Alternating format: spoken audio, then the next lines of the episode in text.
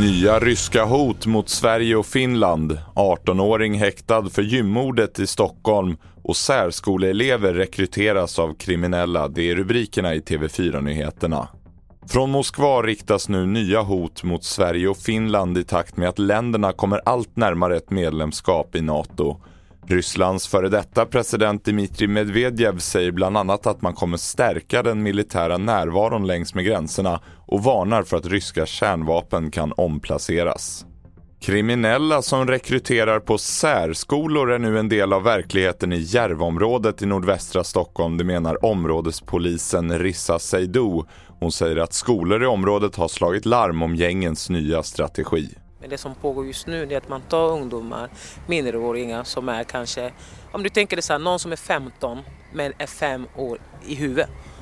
En sån person som man ja, ber då transportera vapen och pengar eh, för att senare få någon form av belöning. Eh, det är ju inte klokt. Det är ganska farligt och det kommer att sprida sig. Mer om det här på tv4.se. En 18-åring har idag häktats på sannolika skäl misstänkt för mordet på en man i 55-årsåldern på ett gym i Stockholm i slutet på mars. 18-åringen är tidigare dömd för flera brott och har varit omhändertagen av socialtjänsten. Kompetensflykt i kombination med sanktioner som stoppar import av teknik och nyckelkomponenter från väst slår hårt mot Ryssland. Landets BNP väntas sjunka med 15% i år och allt fler forskare och annan toppkompetens utvandrar.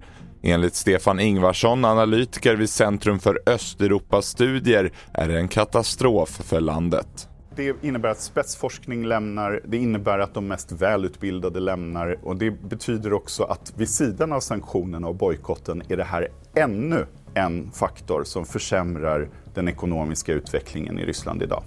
På sikt är det ju en katastrof för Ryssland att förlora sina mest välutbildade unga människor. Till sist om att världens rikaste man och Tesla-grundaren Elon Musk vill köpa sociala mediejätten Twitter och lägger ett fientligt bud på motsvarande 410 miljarder kronor.